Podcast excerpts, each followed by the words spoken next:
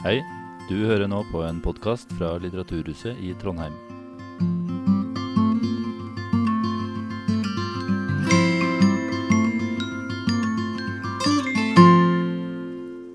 Hei sann, velkommen til eh, Men er det bra? Litteraturhusets kritiske panel. Vi er samlet her i dag eh, på overtid. Vi skulle vel eh, møttes eh, i mars for å diskutere denne akutte situasjonen novellen står i eh, i dag. Eh, det klarer vi godt å gjøre med litt forsinkelse. Og vi skal ta for oss fire bøker. Men aller først så har jeg da blitt eh, bedt om å, være litt sånn koronavert. Hold én meter avstand. Unngå å lage kø. Toaletter er nede, og handikaptoalettet er i gangen. Og eh, ellers så eh, får vi håpe vi ikke trenger noen nødutganger. Ehm, det vi skal eh, eh, ta for oss eh, her i dag, er introdusert på eh, Facebook som eh, ganske slagkraftig. Tenkte jeg skulle lese det opp, sånn at vi ikke går glipp av alt vi skal svare på, ikke bare stille spørsmål ved. I 2019 fikk flere novellesamlinger positiv oppmerksomhet, men fortsatt lever myten om novellen som stebarnet i litteraturen i beste velgående. Er det slik? Og hva utgjør en god novelle? Er novellen mindre appellerende enn annen skjønnlitteratur? Bør vi lese flere noveller? Alt dette kan du få svar på i årets første Men er det bra? Hvor vi inviterer til novellespesial. Det er altså en rekke ting vi skal ikke bare diskutere ut fra disse bøkene, men vi skal gi dere en hel rekke svar uh, i løpet av denne ca. 1 12 times samtalen, som vi deler opp uh, mer eller mindre i to. Vi skal først uh, prøve å introdusere disse fire bøkene. Ta de litt for oss hver for seg, litt på kryss og tvers. Og så skal vi ha en pause der alle kan strekke litt på beina. Og så skal vi ha en noe mer oppsummerende mm, kritisk vurdering og kanskje litt mer eh, Vi får se hvordan vi, denne samtalen utspiller seg. men Eh, en mer vurderende avrunding før vi ikke slipper myggen løs til dere. For vi har ikke mikrofon pga. Uh, smittevern. Men det vil være mulig å rope spørsmål høyt til, til oss, da, så vi kan prøve å, å besvare dem. Jeg heter Frode Lærum Boasson, og jeg er førsteamanuensis i eh, nordisk litteratur og jobber ved NTNU. Og det gjør vi alle sammen. Vi er ikke til daglig eh, litteraturkritikere, vi skriver ikke i pressen. Vi eh, jobber med eh, nordisk litteratur som stort sett er eldre enn dette. Og vi bruker denne anledningen til å eh, more oss og være kritiske med eh, det nye som kommer ut. Eh, så det vi har med oss eh, her, det er Jon Brumo, eh, som også er klassisk nordisk litteraturviter. Gerd Karin Omdal og Silje Varberg. vi skal ta for oss disse bøkene. og Er det noen av dere som vil begynne å presentere en av de? Jeg kan begynne. All right. Fyr løs med hva er det for noen bøker vi har lest og skal ta for oss. Uh, ja. Uh, jeg skal begynne med Jonas Eika, 'Efter solen'. Uh, den kom jo da i 2018. den kommer på norsk denne uka, så den er veldig aktuell. det er Kyrre Andreassen som har oversatt den til norsk. Eika har fått flere priser for denne samlinga, bl.a. Norges råds litteraturpris i 2019.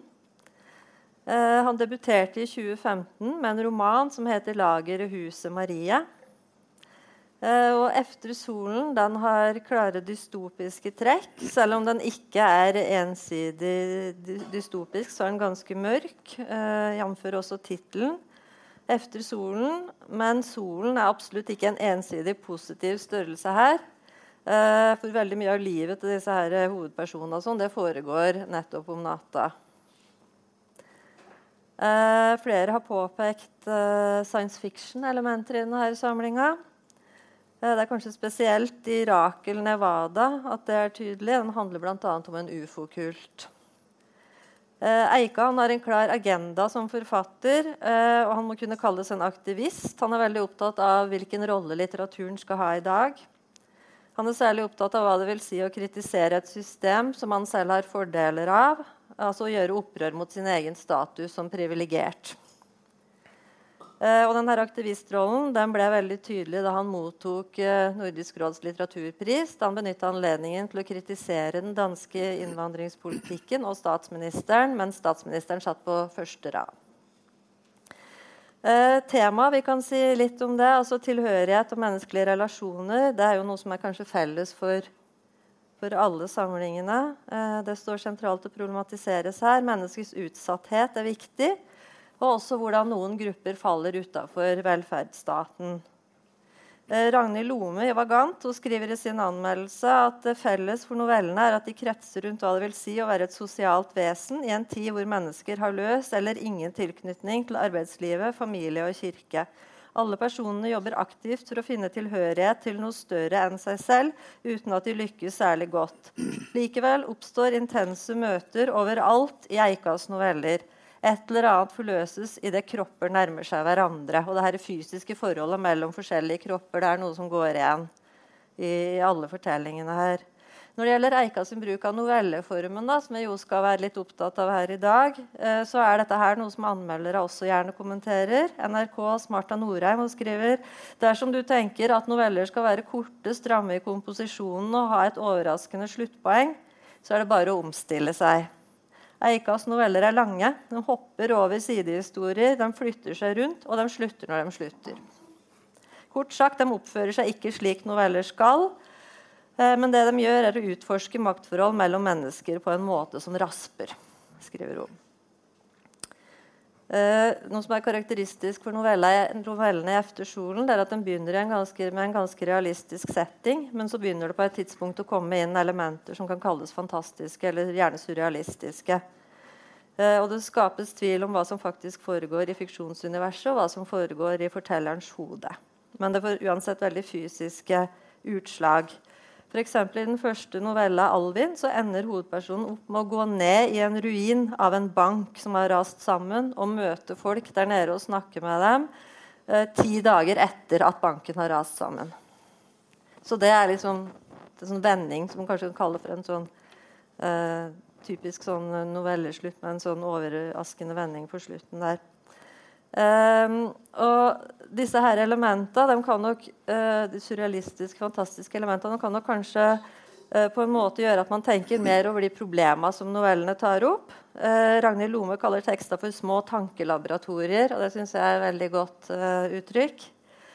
Men jeg kan også tenke meg at for noen så vil denne litt vanskeliggjørende formen flytte oppmerksomheten mer over på det kunstneriske og rent litterære, sånn at kanskje det her politiske agendaen til Eika kan komme litt i bakgrunn. Men det er jo noe som kan, man kan diskutere, liksom, eh, hva som er fordeler og ulemper med denne litt vanskelige formen som man bruker.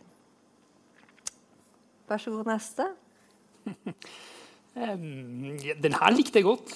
Ja. Uh, der var min, uh, Jeg var litt sånn usikker. Jeg hadde liksom fått med meg at uh, han var en sånn aktivist som liksom kjefta opp statsministeren. Og så tenkte jeg liksom, ja, ok, nå skal vi få noen oppskrifter på kritikk av det globale finanssystemet og kapitalismen.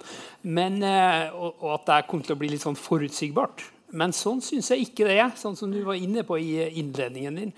Jeg synes, hvis vi skal må, vi, må, vi, må, vi, må, vi, må, introdusere de andre bøkene før vi bare hopper okay, på okay, Eika. Okay. Uh, jeg, jeg ble litt engasjert. ja. det, det, er helt greit. Ja. Lett forståelig med Eika. Men vi må, ja. må La oss bare gå tilbake til Eika gjerne da, etter vi har uh, løftet frem de andre bøkene, sånn at vi kan uh, vite hva vi egentlig diskuterer. Det er så lett å begynne å trekke paralleller. Jeg hadde så lyst til å snakke mer om Eika, men vi skal gjøre det etterpå. Men nå skal vi eh, Jeg har fått hovedansvaret for ei bok, nemlig Marit Eikemo, eh, 'Hardanger'.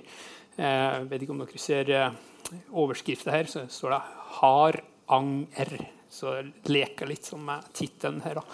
Og Marit Eikemo hun er en, kanskje ikke den mest kjente forfatteren, men hun har et forfatterskap på en sju bøker omtrent. Mest romaner. Og Dette er den første novellesamlinga hennes. Uh, hun debuterte allerede i 1999, så det er en del år siden. kan man si at hun i forfatterskapet sitt har fremstått som en slags sånn der nynorskens Nina Lykke. Altså litt sånn satiriske romaner om middelklassen. Jeg tenker særlig på den forrige romanen hennes som het 'For gratis og uforpliktende verdivurdering'. Eh, som alle, som har vært interessert i boligmarkedet, hører hva det er. den denne, den novellesamlinga fikk en sånn eh, litt blanda mottakelse, må man si. Terningkast fire et par steder. Men også en del ros. Mange, mange likte den. Vi kan se at det her handler jo om figurer i og rundt eller fra Hardanger. Eh, sånn at liksom, stedet Hardanger er veldig viktig. Og de bærer liksom med seg det her stedet veldig ja, Det er et viktig sted for dem. Og det er da fruktbønder, og det er en yogakjerring, og det er en liksom, barsk, macho lotepus-kopi. Eh, og det er ofte sånn at det som, er, det som, er, en biperson i den ene novella, kan bli en hovedperson i den neste. sånn at De glir liksom over i hverandre. Det er litt sånn, sånn som eh, hva de kaller det, flettverksfilmen. Eh, sånn shortcuts, hvis dere kjenner den. Um, ja. Eh, og det er noen sånne titler her som liksom bringer tankene uh, over til liksom, Det er et sånn ekko av kjente forfattere. sånn Siderhus hva, hva det heter da? Siderhusregler. Ligner jo på John Irving, selvfølgelig. Uh, og det er også uh, det er ganske mye sex og eh, en sånn saftig homosexscene som man ikke glemmer så lett i den ene eh, novellen. Så bare av det så er det verdt å se. Da. Men, eh, men som sagt, det er en satirisk modus, vil jeg si. og som, er, som jeg syns fungerer ganske bra. jeg syns Eikemo er en ganske bra humorist, egentlig. når det er en bestilling på 50 liter sider ikke går etter planen, og flaskene liksom eksploderer hjemme hos de, eh, alle mellomlederne som har vært på kurs i Hardanger. Eh, og Det er også ganske komisk når Gro, som jobber i Kartverket, eh, blir sittende som en slags sånn telefonpsykolog for, for, når Mona ringer, eller som hun er kjent i, i lokalsamfunnet, Porno-Mona. Eh, fordi hun har sendt noen erotiske bilder av seg sjøl til som har kommet på avveie. Eh, og det er mange andre Jeg syns de er litt lett minneverdige, da, uh, de her novellene. Så det er noen små, gode uh, fortellinger. Litt artig er det at liksom, Jeg tenker at handlinga er liksom drømmen for enhver kulturminister. For her driver folk i Hardanger med veldig mye sånn kulturnæring. De holder lokale talkshow som alltid er utsolgt. Det er massiv siderproduksjon. Eh, eller, eller, blogging. Eller, altså, de, det skjer mye i Hardanger, og jeg får et helt nytt eh, blikk på, på, på stedet. Um, ja, og Det er også noen sånne ekko av andre kjente forfattere her. Da, sånn at eh, Olav Å. Hauge blir nevnt. og eh, Du kan også se et ekko her fra Frode Gryttens bikubesong, som også har denne flettverksstrukturen. Så ja, det er mye å ta tak i her, da. Men um, ja, vi kan vel komme med vurderingene etterpå, da. Men uh, jeg syns det var underholdende å lese. Altså. Mm. Ja, nei, da kan vi jo gå videre til uh, neste samling. Jeg skal introdusere Therese Tungens 'En gang var det i ulver'. Og da er vi med en gang tilbake i et litt mørkere landskap. Kanskje litt nærmere Eika, sånn sett. Eh, dette er en eh, bok som kom ut i 2017. Eh, men det var den første novellesamlingen til Therese Tungen, og også den første boken hun ga ut i det hele tatt. Hun har rukket å komme med en til siden den gang, som kom ut i 2019, som heter 'Kjærleik og det som ligner'. Det er en ganske så kritikerrost roman. Vi ser på forsiden allerede her at det er fem flotte femmere som liksom smykker den øverste kantlinjen. Eh, og den ble nominert til eh, Ungdommens kritikerpris. Det er definitivt en lang eh, novellesamling, eller en novellesamling med lange noveller. rett og slett. Her har vi 265 sider, eller der omkring. Og de er fordelt på seks noveller. Så Til sammenligning så er det fem noveller i eh, samling, og den er 100 sider kortere. Så her brukes det litt mer plass på handlingsutvikling og karakterutvikling eh, enn det gjøres det. Men i likhet med de to forrige novellesamlingene som har blitt introdusert, så er det, det er ganske sånn romanaktige fortellinger. Uh, romanaktige handlingsforløp. Det er ikke så mange av de sjangertrekkene vi um, vanligvis forbinder med den klassiske novellen. Det er sikkert noe vi skal snakke litt mer om etter hvert. Et ganske mørkt univers. Uh, det er ofte et sånt ubehag og en uro i disse novellene. Eh, samtidig som vi nok må si at eh, Therese Tungen er mer tradisjonsbevisst eh, i formspråket enn det vi ser f.eks. hos eh, Eika. Så her er vi oftere i et litt mer stabilt og realistisk romanunivers i utgangspunktet, selv om det kan skli ut i et, et lignende type sånn eh, nesten magisk realisme som vi finner hos Eika også. Um, jeg kan jo si eh, litt om tittelen og tittelmotivet, egentlig. Eh, for det oppsummerer en del av det som jeg syns denne samlingen handler om eh, rent tematisk. Altså, En gang var de ulver. Og det er et uh, utsagn som vi møter i den første novellen i denne samlingen, som heter 'Flaumen'. Uh, og det er en novelle der uh, en bygd blir evakuert fordi det har blitt flom. Men tilbake i bygden blir da en far og hans datter som eh, nekter å dra. Det er en ganske alkoholisert mann. Eh, og de oppdager etter hvert at det er, det er noen andre igjen eh, sammen med dem. I utgangspunktet fordi de hører hundeglam. Eh, og det er da det er da denne jeg-personen lover datteren sin Inga Marie at han skal prøve å få disse hundene fri sånn at de kan springe til fjells. Men vil de klare seg der, da? Spurt, spurte datteren. Hunder er egentlig ville, sa han. En gang var de ulver. De vil klare seg helt fint. Og det er eh, selvfølgelig noe han eh, egentlig ikke eh, mener eller tror på selv, så han har tenkt å snike seg ut for å skyte disse hundene i ly av nattens mulm og mørke, og uten at datteren skal vite noe om det. Og det han blir konfrontert med når han skal gjøre det, det er jo kanskje mer sine egne dyriske sider enn uh, en hundenes. Si sånn. Men vi kan snakke litt mer om de ulike handlingssegmentene etter hvert. tenker jeg. Men dette spørsmålet om det, det dyriske mennesket og de større kreftene, det som uh, går forbi det menneskelige, og det kan være naturkrefter, det kan være guddommelige krefter, det kan være disse dyriske, ukontrollerte kreftene. Det er liksom noe som hele tiden går igjen i denne novellesamlingen. Yes, da er det siste bok. 'Hvor lenge varer vi?' av uh, Mari Andreassen. Og eh, Mari Andresen eh, ble Bragepris-nominert for denne boken i fjor. den dukket litt opp, i hvert fall for min del, sånn ut av intet i bokhøsten i fjor, og fikk veldig gode kritikker. Og det er jo Nå skal ikke jeg eh, foregripe noe statistikk, men det er ikke sånn veldig ofte at eh, novellesamling eh, og debut blir nominert til Brageprisen.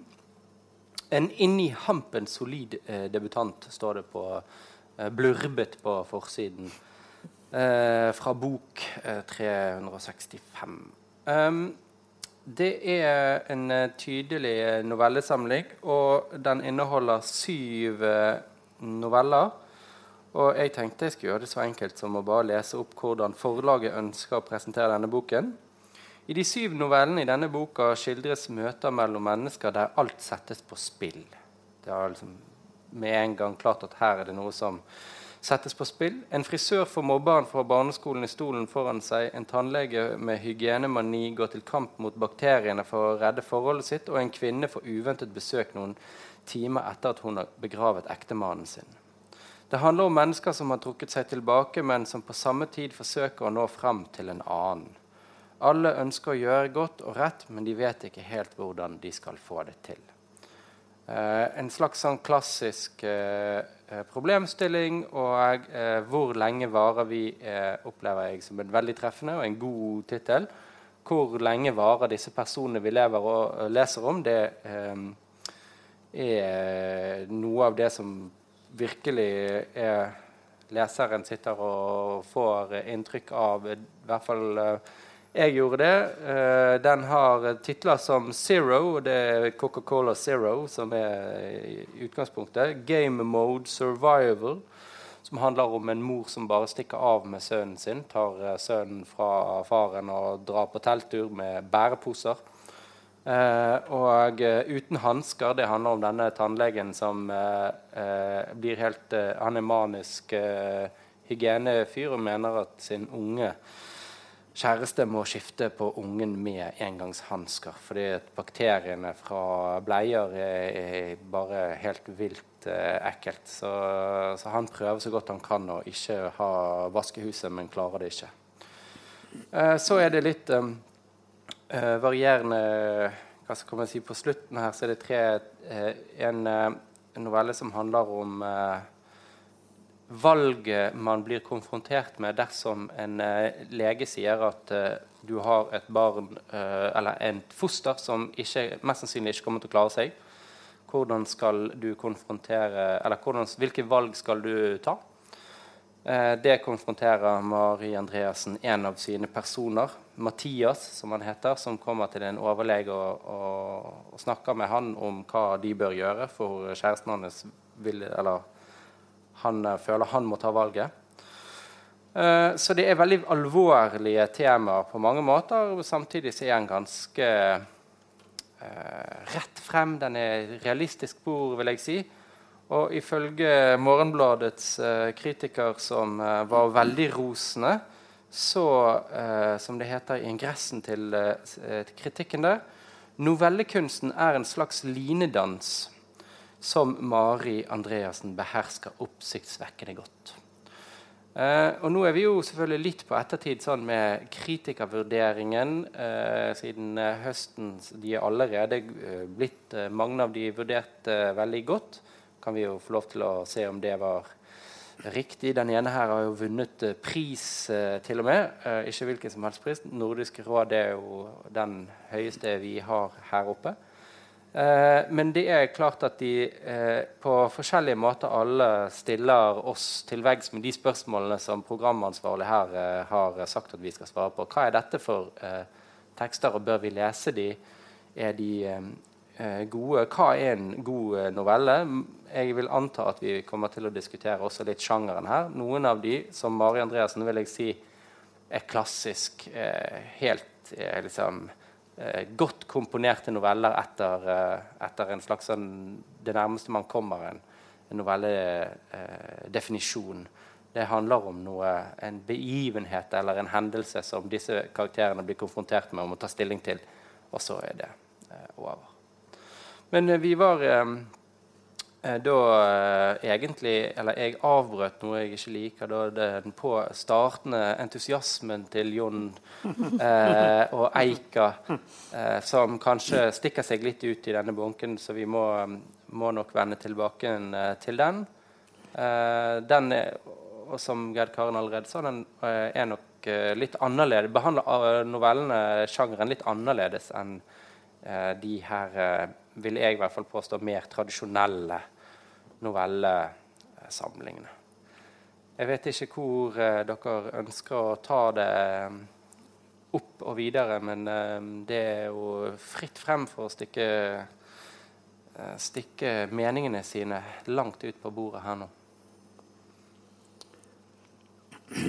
Eh, ja, siden jeg var så entusiastisk, nesten ikke greide å holde meg i skinnet med Jonas Eika, så har jeg bare lyst til å følge opp litt der. For det er helt sant som du sier at eh, det er vel denne samlinga som er lengst unna en sånn klassisk novelleformat. Um, en ting er at uh, du finner på en måte ikke det helt store Det er ikke en sånn begivenhet som bryter plutselig inn og så forandrer verdensanskuelsen, sånn som man har i den klassiske novellen. Men enda rarere er det jo at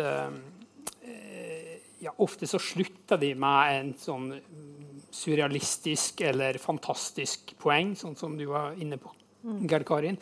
Men de to av disse tekstene heter jo faktisk det samme og er jo på en måte en fortsettelse, nemlig den som heter 'Bad Mexican Dog', mm. eh, som er da egentlig i to deler, og som handler om en gjeng eh, beach boys på stranda i Mexico som der server de rike turistene med å gi de drinker, smøre inn med solkrem rett på parasollen osv. Den er på en måte delt opp i to. Um, og jeg synes også De andre her de um, de går over i en helt annen modus liksom, på slutten. Mm. Um, så um, han er nok den som tøyer novellesjangeren lengst, da. Uh, vil jeg si. Mm. Men samtidig så er det jo liksom litt det her, For å komme tilbake til tankelaboratorieideen til Ragnhild Lome, så er det jo på en måte Han utforsker jo en tanke mm. eller et mm. uh, prinsipp, en tilstand i de her eh, novellene fra ulike vinkler. Da. Og sånn som du nevner i det Bad Mexican Dog, så er det jo sånn at disse her, eh, strandgutta de har jo et parallelt liv om natta etter at sola har gått ja. ned. Da de på en måte er nærmest krepsdyr i et sånt stort homoerotisk fellesskap. Mm. Og da er det en slags metamorfose som kommer fram. Den blir på en måte til disse her dyra de er jo liksom uh, i krepsens tegn, disse her. Det er, så det er sånne uh, Ikke bare de vendingene mot slutten. For at den der uh, bevegelsen ja. mellom de to på en måte virkelighetene, de to planene de eksisterer på, den går jo, de går jo gjennom disse her to mm, ja, de, de, har et parallelt liv. Ja, ja og da er det med noe annet. Ja. Helt enig i det. Ja. Eh, men som, som, jeg var inne på her um, Jonas Eika som liksom aktivist, så kunne man jo tenke seg at det her kom til å bli en lang tekst om de uh, fattige og utnyttede ungdommene. Uh, men sånn er det jo ikke. De har jo på en måte egne, en egen verdighet og noen egne prinsipper. Og det er slett ikke en sånn enkel budskaps... Eller det er så langt ifra en budskapsestetikk som man kan komme. Ja. Det er kanskje like mye synd på de privilegerte som det er på de som ikke er privilegert. Ja, de virker jo enda ja. mer stereotypt av disse ja. Eh, mm. Nå, Den novellen som altså 'Bad Mexican Dog' den er jo bygget opp av to, mm. to fortellinger. Én mm. fra disse Beach Boysene og én uh, fra det som ser ut som danske, eller i hvert fall skandinaviske mm. backpackere. Mm. Et par.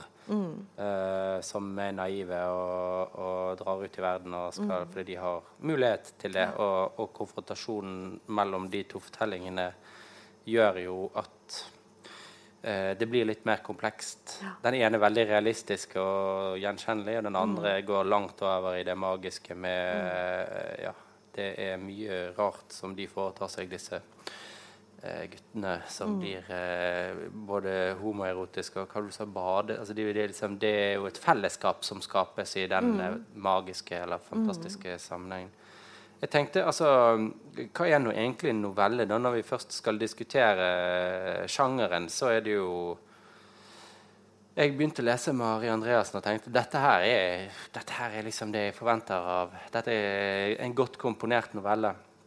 Og da eh, skal de lærde strides jo om hva en novelle er, da, men man sier vel gjerne at det er en eh, konsentrert, kort fortelling som eh, tar for seg den enkelte hendelse eller situasjon, mm. eller kanskje en konflikt eller en virkelig krise.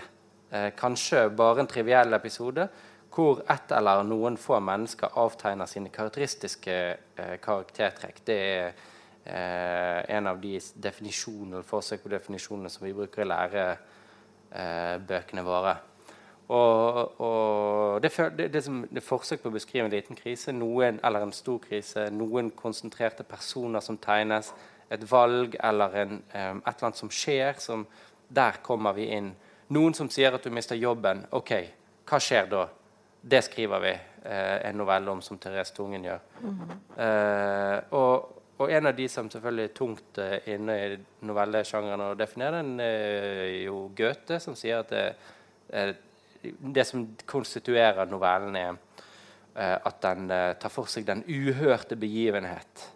Et eller annet som er uhørt, og som konfronterer menneskene i, i en eller annen gitt situasjon, Det kan vi lage en novelle rundt. Og det, det Mari Andreassen uh, gjør det. Uh, I åpningsnovellen her så, så er det en, et, en, verge. Den heter Zero, og det handler om en, uh, en Hvilken type menneske vi Eller hva skal jeg si Diagnose eller vi, har å gjøre med. Vi har å gjøre med et en jente som har et verge, og hun har veldig begrenset ordforråd. Og har en som hjelper henne på skolen, en assistent. Og denne assistenten velger å ta henne med på busstur. Lærer hun å ta bussen.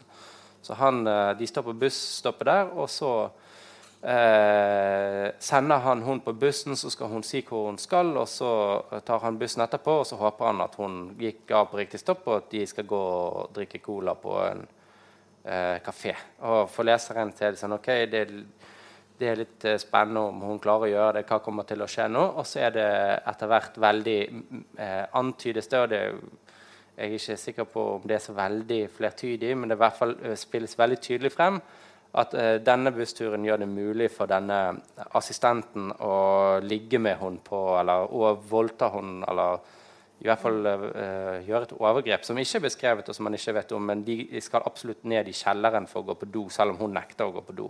Mm. Og Det er jo åpenbart en sånn uhørt begivenhet, og så stopper jo uh, fortellingen der. Som jeg tenker er en sånn klassisk uh, novelletema som hun skriver frem, eller denne moren som bare Når far kommer hjem, så har hun tatt med seg sønnen, og ingen vet hvor de er, og de går ut i skogen. Det er en sånn, det, det uhørte situasjoner, og hun går gjennom en del av de i denne samlingen. Og det gjør jo Eika ikke. Eika har mer enn sånn det uhørte samfunnet vi lever i. Det må vi mm. prøve å beskrive på noen eh, måter som eh, vi må uh, Altså, han driver på med et eller annet uh, prosjekt som er mye større enn en sånn begivenhet, og som gjør den novellesamlingen til et mye heftigere eh, tankeeksperiment enn det som på en måte novellen kanskje bærer. da. Eh, de skal, hvilken virkelighet er det når noen skandinaver reiser ned dit, og du har et sånn Beach Boys som pleier alle og som fil, altså, det Her er det liksom en konfrontasjon, en samfunnsanalyse, som kanskje i den eh, eh første novellen hans som er tydeligst, som er 'Alvin', der er det en uhørt begivenhet, og det er at banken har rast sammen. Mm. Det er en eh, bankansatt som skal opp og sjekke eh, hvordan det står til med datasystemet. Og så kommer han dit, og så har bare banken eh, rast ned i jorden. Eh, ok, men da, Og ellers er liksom livet til, tilforlatelig vanlig. Og så møter han en ung versjon av seg sjøl på en eller annen måte. Eller en seg sjøl 2.0-versjon. En som driver med aksjespekulasjon som Derivater. er derivathandel. Mm. Ja. Og Derfra ut så er det en sånn samfunnsanalyse det i denne novellesamlingen hvor eh, Hvordan var det med derivathandelen? Og det er avhengig av ja? Altså, derivater da får vi da veldig godt forklart i novellen. Mm. faktisk. Det handler om eh, retten til å kjøpe et eller annet, en gjenstand eller en uh, i framtida. Mm. Altså kommer korn til å bli billigere i framtida, og så har du rett til å kjøpe det. det er, eh, så det er en form for spekulasjon. Da, mm, de, de, de, tjener på å selge retten til å kjøpe ting i mm. framtida. Og det, fremtid, det Eika liksom gjør et nummer av, er at de da altså, derivathandelen griper tilbake igjen. Det er fremtiden som griper inn fordi Hvis du selger derivatene før du kjøper retten, mm. så selger du den retten. Mm. Så kan man kjøpe og selge den lenge før det produktet mm. blir handlet. Mm. Mm. Og da denne uh, Alvin da, som gjør dette, han tar til seg denne fyren som skulle i banken, og så innleder de et slags forhold. Uh, og så overfører denne Alvin masse penger til uh, han fortelleren, og så driver de og både har et forhold og spekulerer sammen. Og en morgen så er han vekk. Og da har jo eh, Det er i hvert fall som første sånn introduksjon til den novellesamlingen så i et sånt eh, kapitalistisk eh, kapitalismekritisk perspektiv så er det ganske tydelig tenker jeg da, at denne unge Alvin har utbyttet også denne eh, bankansatte som var på jakt etter ikke bare eh, penger, men også litt kjærlighet og og da når uh, novellen slutter med at han vender tilbake til denne banken som har rast sammen, og hva er det som skjer der? Jo, de bare sitter nede i, eh, Jorda, i jorden og driver og all jobber. bankvirksomheten. Ja. Så banken er egentlig ikke skadet. altså Pengeøkonomien bare fortsetter og fortsetter. Mm. De sitter nedi der og har jobbet i ti mm. dager mm. med å selge og kjøpe ting. og i en sånn kriseøkonomi så er det jo altså Etter finanskrise og etter eh, for så vidt koronakrise og alle kriser, så skriver han veldig tydelig frem at det eneste som, altså disse krisene skader ikke økonomien. Det bare fortsetter og fortsetter. Og så leser jeg det da også de forsøkene som går ut i det fantastiske som et forsøk på av eh, altså hvis man, hvis man, skal se for seg en annen fremtid, så går med en gang ut i Alle novellene går ut i en sånn eh, fellesskapssøkende, magisk realismeaktig ting. Mm. Mm. Som er helt annerledes enn de andre novellene. Så han bryter liksom skikkelig ut. Ja. For her er det jo absolutt en sånn uhørt begivenhet som du snakker om. Jeg vil si Det er ganske mye uhørt som skjer i denne novellesamlingen generelt. Um, men det som kanskje skiller det fra det vi um, forventer fra den klassiske novellen, i den grad den grad den fremdeles eksisterer på den måten vi uh, påstår i skolesammenheng, uh, ser du at eh, der denne uhørte hendelsen vanligvis skal skje til, eh, altså føre til en slags livs, livsomveltning eller et nytt syn på livet sitt, eller noe som får konsekvenser, da, så er eh, noe som går igjen i disse novellene her, sånn som jeg ser det, iallfall, er at, at man snarere bare gir seg hen til begivenhetene sånn som de er. Så når uh, denne, dette oppdraget han skal dra til i Alvin, eksempel, ikke finner sted fordi banken er eksplodert, og sånn, så blir han bare med denne Alvin som han har truffet. og uh, blir liksom inkorporert i Alvins prosjekt og innleder dette forholdet til han. Og liksom lever seg videre inn i det og blir med. Uh, og det samme er jo noe av det som, som utfolder seg i Bad Mexican Dog, i begge deler, egentlig. At det bare Det tas bare lenger og lenger. Eh, disse begivenhetene de får bare utfolde seg mer og mer til situasjonene blir direkte urealistiske. Da. Og det utvikler seg sånne ritualer på denne stranden mm. med de unge beachboysene som eh, oppholder seg der. Så etter sola har gått ned, så er disse dansene og ritualene og etter hvert sangen og musikken. Og det er en sånn enorm kroppslighet. Da. Det er som det eneste stedet man kan finne noe annet, det er i det, det rent sanselige og det rent kroppslige. Mm. mm. Som blir motpolen til denne kapitalismekritikken. Ja, For det er på en måte ingen verdier lenger. Nei. Uh, så det er noe som går igjen. Men, men uh, jeg, jeg er helt enig med Det er liksom uh, det kapitalistiske systemet. Det bare går og går, og de, liksom, de handler med ting som kanskje skal skje i framtida. Sånn. Men, men, det er jo ting her som er viktig i, i Eikas univers, og det er jo forholdet mellom personene. Mm. Altså Det som står på spill i den Alvin-fortellingen, det er jo egentlig disse, disse to disse to mennene som på en måte nærmer seg hverandre. Mm. Altså, og det er liksom, er det, er det, kjærlighet eller er det seksualitet? eller noe sånt, Det er litt uklart. Men der er det en nerve, syns jeg. Uh, og jeg tenker, Det er jo også det som gjør at disse Beach Boysene um, på en måte holder oppe sin egen verdighet og identitet. Det er jo liksom det forholdet de har sammen. Mm. Og den uh, går også igjen i den artikkelen, eller den som, novellen som vi ikke har snakka så mye om, den som heter Rachel Nevada, mm. som er denne mm. ufo-sekten.